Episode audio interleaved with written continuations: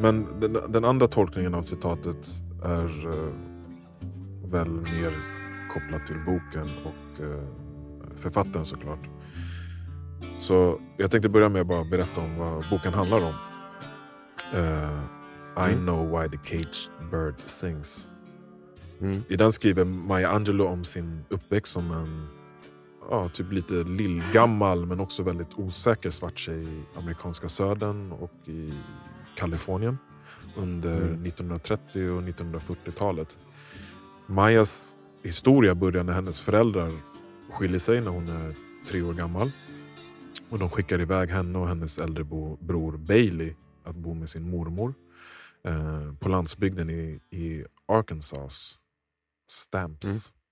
Mm. Eh, de kallar sin mormor Mama. Och hon eh, driver den enda butiken i den svarta delen av Stamps. Stamps. Vad säger man? Stamps. Stamps. Och hon blir eh, också en väldigt liksom, stark moralisk eh, figur i, ba i Mayas barndom. Eh, och Maya och hennes bror Bailey lider såklart av att de blivit avvisade och övergivna av sina, eller övergivna. Eh, mm, deras föräldrar ja, övergivna mm. sina föräldrar helt enkelt. Och, och Maja plågas ganska mycket av att hon tror att hon är ett fult barn och kommer aldrig att kunna mäta sig med liksom eleganta vita flickor. Och Hon känner sig heller inte riktigt jämställd med andra svarta barn.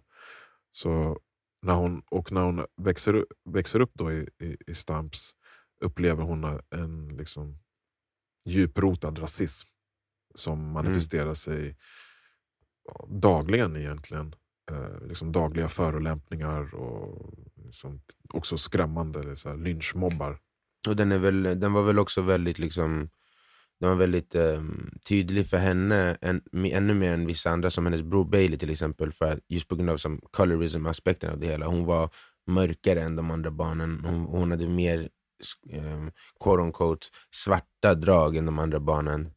Eh, vilket ledde till att hon hade den här självbilden som du pratar om mm. och blir bemött på ett annat sätt än till exempel hennes bror då, som hade ljusare eh, complexion och, och be blev bemött på ett mer positivt sätt. Just det.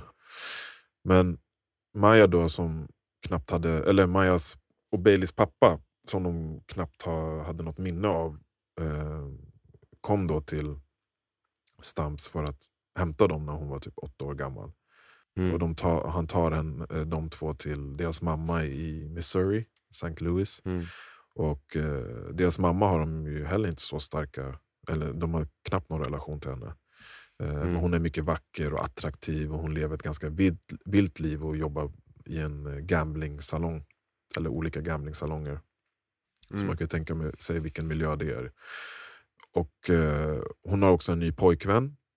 Och en morgon då så eh, angriper den här pojkvännen då Maja sexuellt. Mm. Och han, mm. eh, senare så våldtar han henne också. Mm. Eh, de går till domstol, men mannen då frisläpps bara efter en dag. Jag tror bara så här, över natten så frisläpps han. Mm. Jag tror att det var på borgen, men att han, att han skulle behöva sitta, men han skulle år. bara få ett år. Ja, just det. Mm. Men när han går fri då så blir han mördad. Eh, väldigt våldsamt. Och troligen av eh, liksom, män från Majas familj som, som höll på med kriminella aktiviteter. Mm. Eh, och Maja då drabbades väldigt hårt av det här såklart. Eh, hon kände skuld och skam över att hon blivit utsatt för sexuella övergrepp. Och Hon ansåg också att hon bar ansvaret för mordet. Hon, mm. hon började liksom få en bild av att hon är någon förespråkare för djävulen. Att hennes ord kan orsaka att folk dör. Mm. Så att hon slutar prata med alla förutom sin bror Bailey. Då. Eh, mm. Men till slut då så återvänder eh, Maja och hennes bror Bailey till Stamps och eh, får bo med mamma, mormor igen. Och, eh, mamma lyckas bryta igenom hennes tystnad eh, genom att presentera henne för en snäll och utbildad kvinna som säger åt Maja att börja läsa böcker högt. Och Hon ger henne en mm. massa olika böcker, poesiböcker och så vidare. Så återfår hon sin röst till slut. Mm. Eh, jävligt bra bok. Jag har, inte, jag har inte läst den, men jag har sett en dokumentär om Maya Angelos liv. Så, så där. Mm. Eh, man märker att mycket av eh, hennes berättarröst kommer ifrån den här eh, biografin. Precis. Um, för att eh, ja, men, det, det är direkta citat egentligen ibland. Så att, och, och, det, jag har lyssnat på den här boken med Maya Angelou som uppläsare. Mm. Eh, och därför blev det ännu tydligare, därför att det är samma, det var hon som var upp, berättarrösten i, i dokumentären också, så man märkte att okay, de har tagit inspiration från den här Mm. eh, biografin för att göra den. Och för, ja, för Maya Angelou blev det ju, eh, jag tror speciellt den här boken. Det här, den här boken avslutas ju när hon är 16 år. Mm, Eh, men den hjälpte ju verkligen henne, som hon säger, att transformera liksom, det här traumat som hon har burit på så länge till triumf. Och det är väl Mm. det hon menar med, med eh, vad heter det, citatet. Att det finns liksom ingen större plåga än att bära en, på en oberättad historia inom sig. Att inte mm, dela med den och möta den för, för vad den faktiskt är. Och jag Mm. tror att alla vi har liksom liknande historier vi bär på. De, de är nödvändigtvis inte lika traumatis, traumatiska som Mayas, men liksom historier ändå som vi håller gömda. Eftersom Mm. att vi är rädda för att dela med oss av dem. mm, Eh, och det var något jag märkte väldigt tydligt när jag började skriva och berätta. Inte Mm. att jag plågades av en del av min oberättade historia, men snarare hur, hur skönt jag kände att det var att, att bara berätta den, att skriva ner den. Alltså mm, bara mina tankar, mina känslor och mina erfarenheter. mm, Och att jag gjorde det och kunde bekräfta för mig själv att min egen röst var viktig för mig själv. mm, Så fick jag också det bekräftas sen när min första bok kom ut att så här, okay, min röst är också viktig för någon annan. Mm. Eh, och Jag tror att jag kände kanske fram till den punkten att jag hade, alltså inte ett ointressant liv, men man kanske jämförde sitt liv med andra personers eh, liv som kanske var lite mer äventyrliga eller lite mer eh, eller att de hade gått igenom. Man kunde till och med typ så romantisera traumatiska events i, i någons liv för att Mm. det tog dem till en viss plats. Förstår du vad jag tänker? jag, för, jag förstår vad du menar. Det där traumatiska kan leda till liksom, eh, superkrafter på något sätt. Absolut. Så sen så tycker säkert de som har varit med om det att det är extremt förolämpande att man skulle tycka det. Men, men ja, det, men jag tror det. Jag tror inte jag är Men jag förstår det. exakt vad du menar. Ja. Nej, nej, nej. Inte att Det- jag önskar att det det- hände mig, men så här, att man såg sitt liv lite som platt för att man Det är, inte hade som, med det, det, är som vissa, det är som vissa vita människor önskar att de var svarta. För- Exakt. Därför att det, det, från, från den där historien så kommer någon, någon, någon, någonting häftigt också. Exakt. Någon, någon, eh, någon soul Ja. från lidandet. Men, ja, jag förstår exakt vad du menar. Och, och sanningen är väl att vi alla är inte storytellers, alltså i form att vi ska bli författare eller publicera vår självbiografi. Men jag tror att åtminstone att man bör, som du också var inne på, liksom, berätta sin egen story för sig själv. Och Mm. att det kan ha en otrolig kraft. Mm.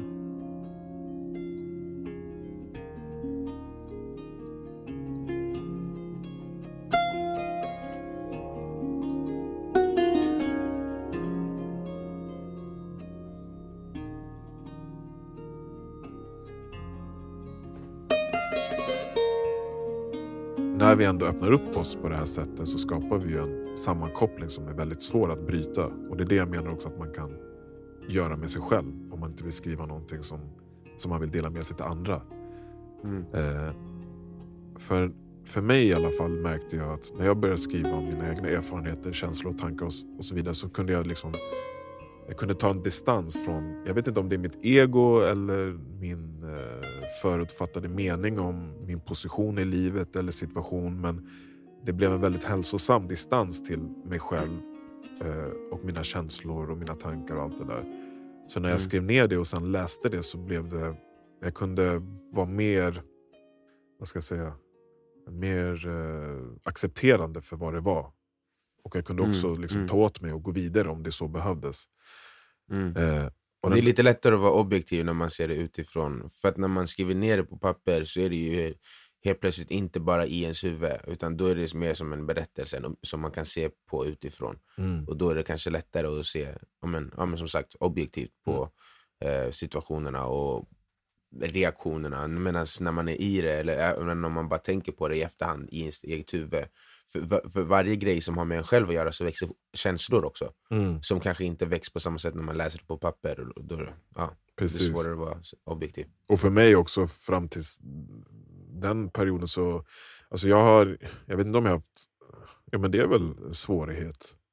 Kan jag tänka mig. Eller ett behov. Ett väldigt litet behov av att uttrycka mina känslor och tankar för andra. Mm.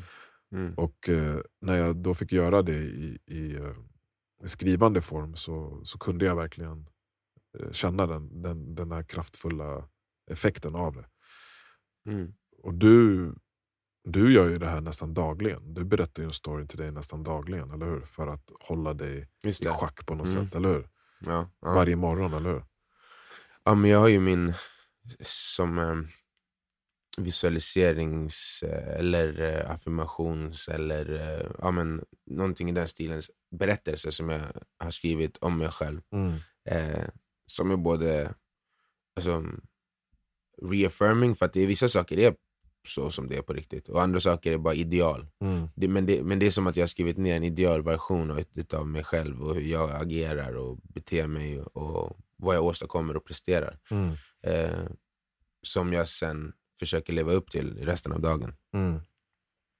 Eh, kon- det kontextualiserar ju det man eh, håller på med under dagen skulle jag säga. Mm. Så jag tänker när man berättar för sig själv sin historia. Om, vi ska låt oss säga att du inte är nöjd med den livssituationen du är, befinner dig i.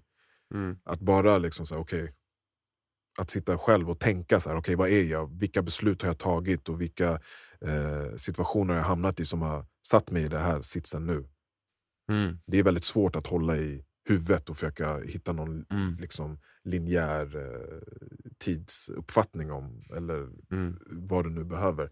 Men att skriva ner det ger ju dig möjligheten att verkligen ta på det och, och forma också framtiden. Och lära dig av dig själv. På samma sätt som Mm. när jag skriver en bok och publicerar den och delar med mig så skapar jag Mm. den här sammankopplingen mellan mig och läsarna. Och eh, Även om de inte tycker om det jag skriver så är jag fortfarande en Mm. relation med dem på något sätt. Mm. Och de har fått Mm. en insikt om, eh, i mina erfarenheter och upplevelser som jag också Mm. delar med väldigt många andra. Så att det blir den här... eh, För vissa kan det vara ett fönster in i någon annans erfarenheter. Mm. Och för andra kan det vara en spegel att se sina egna erfarenheter och känna liksom, styrka därifrån. Men det jag tänker med att, precis som det börjar för mig och mitt skrivande, att bara skriva ner sina tankar, känslor och erfarenheter så ger det en den här uh, distansen som gör att man, man kan i framtiden ta liksom, bättre beslut och, och bättre ställning till, till sin förmåga att kontrollera sin, sin livssituation. Liksom. Mm. Man kan ju också vara mer medveten i hur man relaterar till varje sak som har hänt. För att mm, man kan ha en händelse i ens historia som man em, bär på, men tills du har skrivit ner den och sett på den utifrån så kanske du inte lyckas omformulera betydelsen för dig själv. Mm. Och så mycket av det som, som har hänt i, och som vi bär med oss är ju delvis vår egen uppfattning om den situationen. Mm. Eh, en sak kan hända två olika människor och de tar med sig två helt olika läxor. Mm. Den skillnaden i läxan går ju också att ändra i efterhand, Mm. tror jag. Mm. Genom att, genom att skriva ner, se på det och sen söka... Jag, jag har sett på det på det här sättet. Det går ju också att se en sån här situation från den här, från den här vinkeln. Men även det är mycket lättare att göra när man tar, eh, tar och skriver ner det och kan se på det igen med mer distans. Och distans är väl ett, något, något slags nyckelord i det här. Alltså vad, vad berättande om sig själv, för sig själv, kan ge. Mm. Det är att det kan ge en distans för, från ens egen, egen saga som gör att man kanske kan få lite mer makt och inte vara i så mycket i sagans makt. För det är väl det det är, att, att när man inte har distans till det, då är det det som man har fått berättat för sig eller lyckats skapa i sitt eget huvud som har makt över en själv istället. Det som har hänt som kanske tynger en. Och så, man kan bryta sig loss från den genom att få lite distans. Precis. Det är väldigt eh, terapeutiskt på det sättet. Mm. Terapeutiskt. Och, eh, terapeutiskt. Terapeuta. jag, bara, jag skulle ha slides, jag bara nej, jag måste Nej, säga bara- det där. Herregud. Men nej, det jag tänkte säga var att eh, vad det var ju så det, det var ju det som blev resultatet för mig också. När jag började skriva var ju den stunden där jag hade tagit examen och var liksom på väg att eh, eh, följa upp den, den livsberättelse som jag hade skapat. Alltså jag menar med, akadem- vad heter med karriär i, inom IT och så vidare. Men Mm. genom att jag började berätta för mig själv hur jag hamnade där och hur jag kände om allt och hur jag tänkte om allt på Mm. papper Mm. gjorde att så här, aha, okej. Då kunde jag också se hur den här storyn fortsätter sen.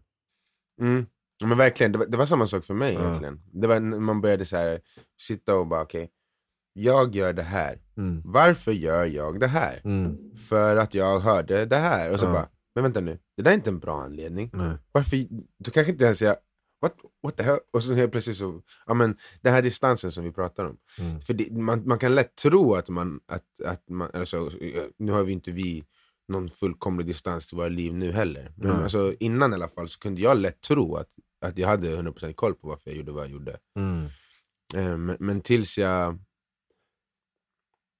Och det kanske jag hade till viss del, men, men jag hade inte ifrågasatt var, varför de motivationerna var värdiga nog för mig. Mm. Alltså så här, om det var pengar som drev mig, eller om det var status som drev mig, eller makt som drev mig.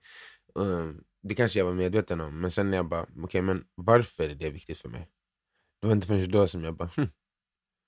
Jag har bara, jag har bara hakat upp mig på vissa saker som, som andra tycker är viktigt. Vad, tycker, vad, gör mig, vad rör mig på riktigt inombords? Vad, vad lyfter mig på riktigt? Mm. Och så helt plötsligt så var det någon helt annan historia som jag var var tvungen att börja berätta. Och ja, det, det var exakt samma som, som du säger att det var för dig, för mig också. Att när, när jag var tvungen att se mina egna beslut i någon slags linjär fashion på papper. Mm. Och så bara, hm, det där är jag, sen hände det, sen hände det. Sen, what, the f- what, the, f- what the fuck am I doing? ja, det blir det blir svårt att gömma sig och lura sig själv när du har skrivit ner det själv och också läser det själv.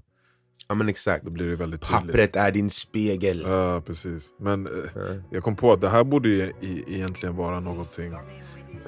Vi alla borde skriva någon sorts, av, sorts eh, självbiografi typ i, i slutet av högstadiet eller någonting. Eller hur? Alltså så här, bara, för att, bara för att få en, en bild av, ja, alltså, en, alltså en klarare bild. För alla har ju redan en bild, det är, men det är, så här, det är bra om man blir, blir tvingad att kristallisera den lite för att kunna se så här, oj här har jag gjort någon feluppfattning, här har jag gjort misstag.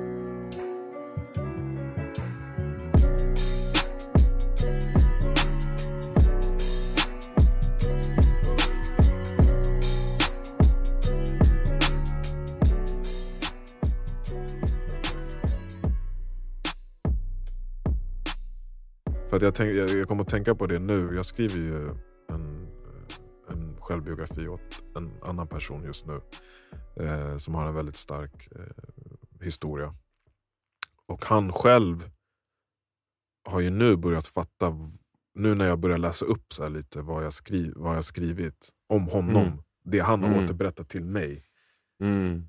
Så, så börjar han fatta liksom så här, shit, jag är ju den här personen på grund av det här. Till exempel när vi behandlar hans barndom och det, Mm. det, traumatiska han gick igenom. Liksom så. Mm. Och vilka eh, karaktärer han var omgiven av och vilken roll hans eh, mamma och pappa hade och så vidare.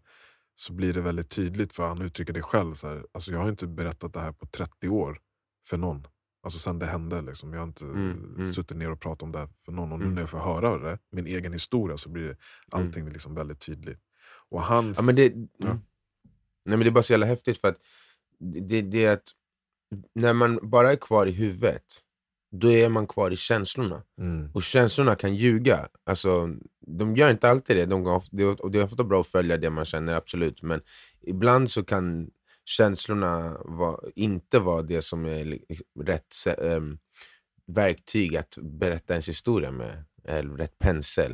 Äh, det, det, blir, det blir ofta mer egobaserat. Och mer, mer äh, man blundar för vissa sanningar inom, om sig själv och om sitt liv och om sin berättelse när man bara utgår ifrån så här, tanken poppar upp om, på den grejen som har hänt någon känsla väcks, den känslan går jag på och antingen trycker bort minnet eller Mm. tycker att det är bra minne. Men, men när man, liksom, som i det här fallet, då, när du återberättar den här personens liv för honom, då, då, då hinner man ju höra historien på ett sätt, på ett, men igen, på ett mer, med mer avstånd. Så att man kan s- hö, se kopplingar innan ens egna känslor hinner komma in. Mm. Innan ens egna känslor över att man var själv var med om det hinner komma in. Så kan man istället se orsak och verkan i vad som har hänt i den här berättelsen. Det, jag tror inte det går att göra på samma sätt när man är, om inte man får den distansen. Så därför tror jag, det, det behöver inte vara att man skri, skriver ner det heller alltid kanske, men det är därför jag tror det är så bra för folk att vet, ventilera när de pratar med folk. För att man behöver sätta ord på saker. Ibland, det är det som är makten i ord, att det skapar i, liksom bilder för oss. Och de bilderna fastnar starkare än, än abstrakta tankar. Mm. Så det, det, det är väldigt bra, tror jag, just det där att sätta ord på hur man tolkar sin egen tillvaro. Eh, man kan lätt tycka att ah, nej, men jag vet vad jag känner. Men jag, det är inte det jag säger. Vad du känner om din egen tillvaro. Sätt ord på vad, vad du känner om din egen tillvaro. För det är en annan sak än att bara känna känslorna. När du sätter ord på det så kommer du kunna se vart de kommer ifrån på ett annat sätt. Än när du bara känner känslan. Och det, jag tycker det låter väldigt häftigt det där. Men det måste vara coolt att vara den personen i någon annans liv. Istället för bara i sitt eget. Faktiskt, det var, det var häftigt när han sa det. För att jag tror inte Det var nyligen han liksom förstod det själv, vilken inverkan det haft för honom att berätta det. Men det blev ju såklart mycket mer påtagligt när han fick höra det också. Från mina ord. Mm. Mm. Eh, och hans syfte är ju att eh, han har en väldigt tung kriminell bakgrund. Och han, han vill ju berätta den, sin historia dels för att liksom, avleda unga att eh, gå samma väg. Och, och, men jag, jag tror nu också att han förstår vilket värde det har för honom själv. Precis som Mm. Maya Angelou så var, var, var hon tvungen att skriva och berätta allt det hemska som hon inte vågade berätta för att hon också skulle kunna gå vidare och, och, och må bättre. Men jag tycker Mm. man har sett det där också i, i en annan form av berättande. Typ så här, eh, MCs eller rapartister. Mm. Amerikanska. Eller också svenska. Att det börjar mycket Mm. ofta alltså, att romantisera typ gängkriminalitet, droger, vapen och så vidare. Och de berättar sin story i den, i den stunden de är i. Men det Mm. kanske också ger dem den här distansen som gör att de utvecklas till någonting Börjar Jag tänker typ ja, sen efter ett tag. Mm. jag ty- tänker Mm. typ så här på Kendrick Lamar som har eh, Eckhart Tolle som spiritual guide. Eh, och I man sitt har ju också i sitt, ja, och han, han har ju också sitt... Eh, är det bara för hans album eller? Eckhart jag vet inte om han har det i livet också. Ja, jag hörde- han, har, han, han är ju med på albumet i alla fall. Mm. Eh, jag, jag, jag läste någonstans att han, han, eh, att han, han fungerar som någon gurre för honom. Typ. Okej. Eh, Mm. Men det ser man också på hans skapande. Att, liksom, vilken utveckling. Eller J. Cole eller, Mm. eller någon annan. Det kan gå båda hållen. Jag tror du berättade för mig att, att eh, Tupac nödvändigtvis inte var en sån där street gangster innan han började rappa om det. Alltså, han var ju från um, liksom en um, väldigt uh, akademisk eller kulturfamilj egentligen. Sen så hade hans mamma hennes problem och eh, hon var en Black Panther också, vilket så här, var ett annat element som gjorde det. Men, men han gick ju på, på ballett och Mm. kulturskola och teater. Alltså, det, det är inte det mest gangster du någonsin har talas om. Men sen så när han var typ 16-17 eller något sånt där så flyttade han till Oakland och det var då det började. Så att det, det, och det är också en ålder när man fortfarande är väldigt impressionable. Så det, det är inte så att det, vi kan inte revoke hans G-card men, men, men det var inte så att han var född där och uppvuxen i. Men jag har för mig också att det, det finns de, av de här unga svenska rapartisterna, att de också börjar, många av dem börjar bryta sig från. Dels blir de äldre såklart, men jag tror att Mm. det hjälper att att, eh, Att prata om ber- det. ja, att prata Mm. om det, berätta. Även om de tänker först att ah, nu ska jag visa hur cool jag är eller hur mycket pengar Mm. jag har. Så börjar de, Mm. får de ändå den där distansen när de sitter och lyssnar mer och mer och, och, och blir Mm. mognare. Så kan de bara, okej, det är dags att Men verkligen. move on på något sätt. Ja, men processen av att skriva är lite som att bli... Men lite som att... Um, så här, en uh, skulptör som Ja. hackar ut en staty. Ja, När du skriver om dina tankar så är det som att du gör så fast med din, ditt inre jag. ja. Alltså, för varje gång du skriver ner dina tankar så blir def definitionen av, av musklerna och konturerna i ditt ansikte. Allt det där blir tydligare Mm. när, du, när du skriver ner dina tankar på samma sätt som när en skulptör skulpterar eller hackar där i, i sten. Och vi, vi delar ju med oss väldigt mycket av våra stories nu för tiden, men vi skriver ju sällan ner dem, utan det är mer de här korta filmsnuttarna på sociala medier som Mm. kallas stories. Mm. Och det gör ju, tror jag, på något sätt den motsatta effekten, för där vill man ju gärna fånga och kanske ge en uppfattning om att allt är bra. Och kan man fokusera på den delen, att man Mm. de stunderna som är här som är bra, de vill man gärna fånga och dela med sig. Och så kanske Mm. man strävar efter fler sådana. Men att just Mm. skriva om det jobbiga och skriva om det som man inte vill dela med sig, är det tror jag Mm. som liksom gör att man utvecklas. Ja, faktiskt. Det... Sen så, så här, jag kan se sociala medier, jag kan se värdet av det också, för det är som ett fotoalbum. Liksom. Och I ett fotoalbum så vill man inte ha de hemskaste stunderna. Absolut. Ehm, och jag, jag kan ibland vända mig mot den här idén om att så här, varför, varför skulle sociala medier vara autentiskt, och så, eller en spegel för hur människor verkligen är. Det har jag aldrig trott. Alltså, så här, jag blir lite så, ni, varför leker vi dumma som att vi trodde någonsin att alla postar hela, hela sanningen? Det är ingen som någonsin har trott det. Nej. Eller? Det, Alltså- det trodde inte jag sen, ända sedan Lunarstorm. Nej, kanske inte vi, men jag tror väldigt unga personer, även om de inte tror på det själva, är det det de blir matade med. Ja, jo, Alltså, det, du- det, det varje- påverkar ju ändå, det påverkar ju ändå, absolut. Ja.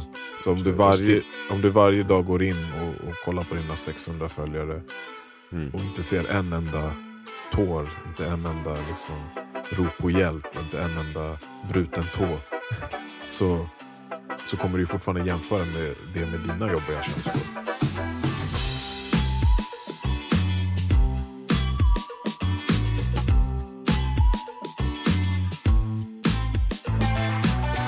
Det skulle vara jävligt coolt om, om syftet och, och motivationen bakom folks posts var ett ärligt uttryck för deras inre liv i, alla, alltså, i olika perioder, både positiva och negativa. För då hade jag tyckt sociala medier var jävligt häftigt att se. Alltså om man verkligen fick en inblick. Alltså typ om du när det var tufft, inte bara, det inte, allting behöver inte vara bilder heller, det finns ju Nej. olika typer. Men det är så här, typ om, Bara om man medie. såg ditt, eh, ja, men om man såg ditt dagboksinlägg den tuffa morgonen fast i något, någon slags tweet, tweetform kanske. Mm. Eller så här, och sen när du har en glad fest, ja, men då är det på Instagram där. Men, men att det, det, dina resonemang kring de sakerna var, på riktigt också kom fram. Det hade, för det är ju det som caption ska vara egentligen, an- antar jag. Eller så här, en beskrivning av det som faktiskt vilka tankar och känslor som väcks av, av det som man lägger upp. Mm. Men det, det är som du säger, det, det är ju mer ett skyltfönster eller ett CV. Men kanske där vi kommer hamna för att vi i global ska kunna bli en, en community. Att vi börjar mer och mer dela, e- dela med oss av våra brister och svagheter och jobbiga känslor och alla blir fett empas, empatiska och bara You can do it man! Ja, men det var ju it, girl." det som var idén med internet från början, alltså just connecting people. Liksom. Vi är ju Eh, connected men vi, vi berättar ju inte hela historien. Vi berättar Nej. ju bara en sida av det. Finns någon ny sociala medier som jag inte kommer ihåg vad den heter nu, men den går ut på att du, alltså du kommer få ett meddelande när som helst under dagen, fl- och flera gånger under dagen. Och då måste du inom loppet av en någon viss ti- timeframe fota dig själv, eller fota vad du gör, eller fota din omgivning.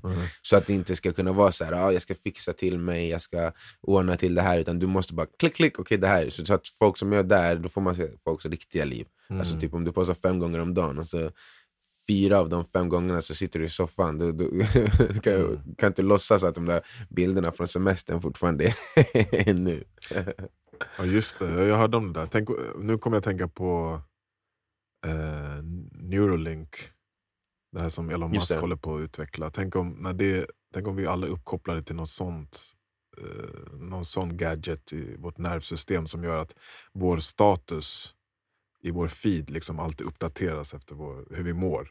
Så att vi aldrig kan gömma Alltså, sig från det. Det skickas in automatiskt. Så här, jag mår skit Alltså jag säger bara det, jag säger bara det. Det finns inte en fucking chans att jag någonsin låter någon stoppa in någonting i min hjärna eller min kropp Nej. som där det finns minsta risk för att jag förlorar min, eh, kontroll över mig själv. Alltså jag Mm. måste ju, eh, my autonomy. Det känns ju som att sekunder man stoppar in ett chip i hjärnan, det finns en chans att de stänger av saker där inne också. Get the Mm. fuck out here. Mm, mm. Ja, jag tror det är oundvikligt. Jag menar, vi, på något sätt är vi ju där redan, bara att chippet inte, chippet inte sitter i hjärnan utan den är i handen eller i byxfickan. Liksom. Till en viss Oh, yeah, del. they're gonna have to kill me man. they're gonna have to kill me yeah, they'll man. wake you up from the dead with a chip in your Ah. fucking brain man. That's what they're gonna have to do. Jag kommer inte göra det frivilligt. Fuck that. Ja, det blir intressant att se. Men vad säger du, ska vi...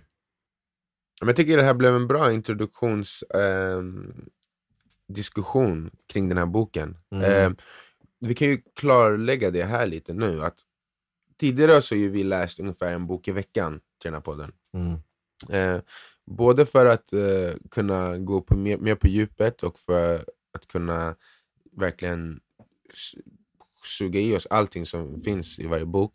Men också för att låta er som lyssnar ha, ehm, liksom, få lite mer tid till att eh, ta del av böckerna ni också, så att ni kan känna er mer delaktiga. Så har vi tänkt att från och med nu så kommer vi ha en bok i månaden ungefär. Mm. Så den här månadens bok, eh, ska vi se, vi börjar ju under den här veckan. Så det blir väl eh, till näst, nästan eh, slutet av juli så kommer vi hålla på med I know why the caged bird sings. Mm. Eh, och det här var veckans, eller det var denna veckas första introduktionsdiskussion till det. Ja. Vi kommer, vi kommer försöka komma med avsnitt varje vecka, men it's the summertime.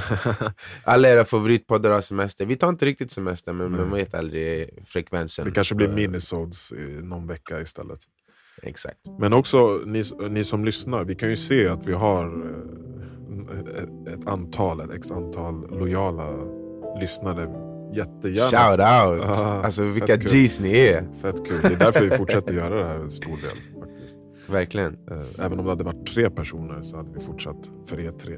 Men eh, det vi hade uppskattat är om ni skulle vilja eh, skriva till oss kanske och ge förslag på vad ni skulle vilja höra mer av. Eller någon Mm. bok ni skulle vilja läsa eller kanske någon film eller någon, någon artikel eller något ämne bara. För att vi, Mm.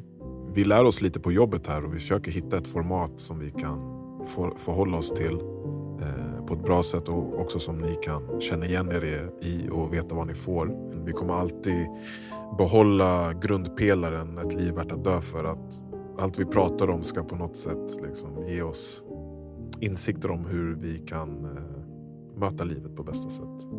Och berika vår tillvaro. Ja. Glad midsommar! Glad midsommar allihopa. Fucking älskar er. Älskar dig Marvin. Detsamma, bror. Okay. Ta hand om er. Blessa!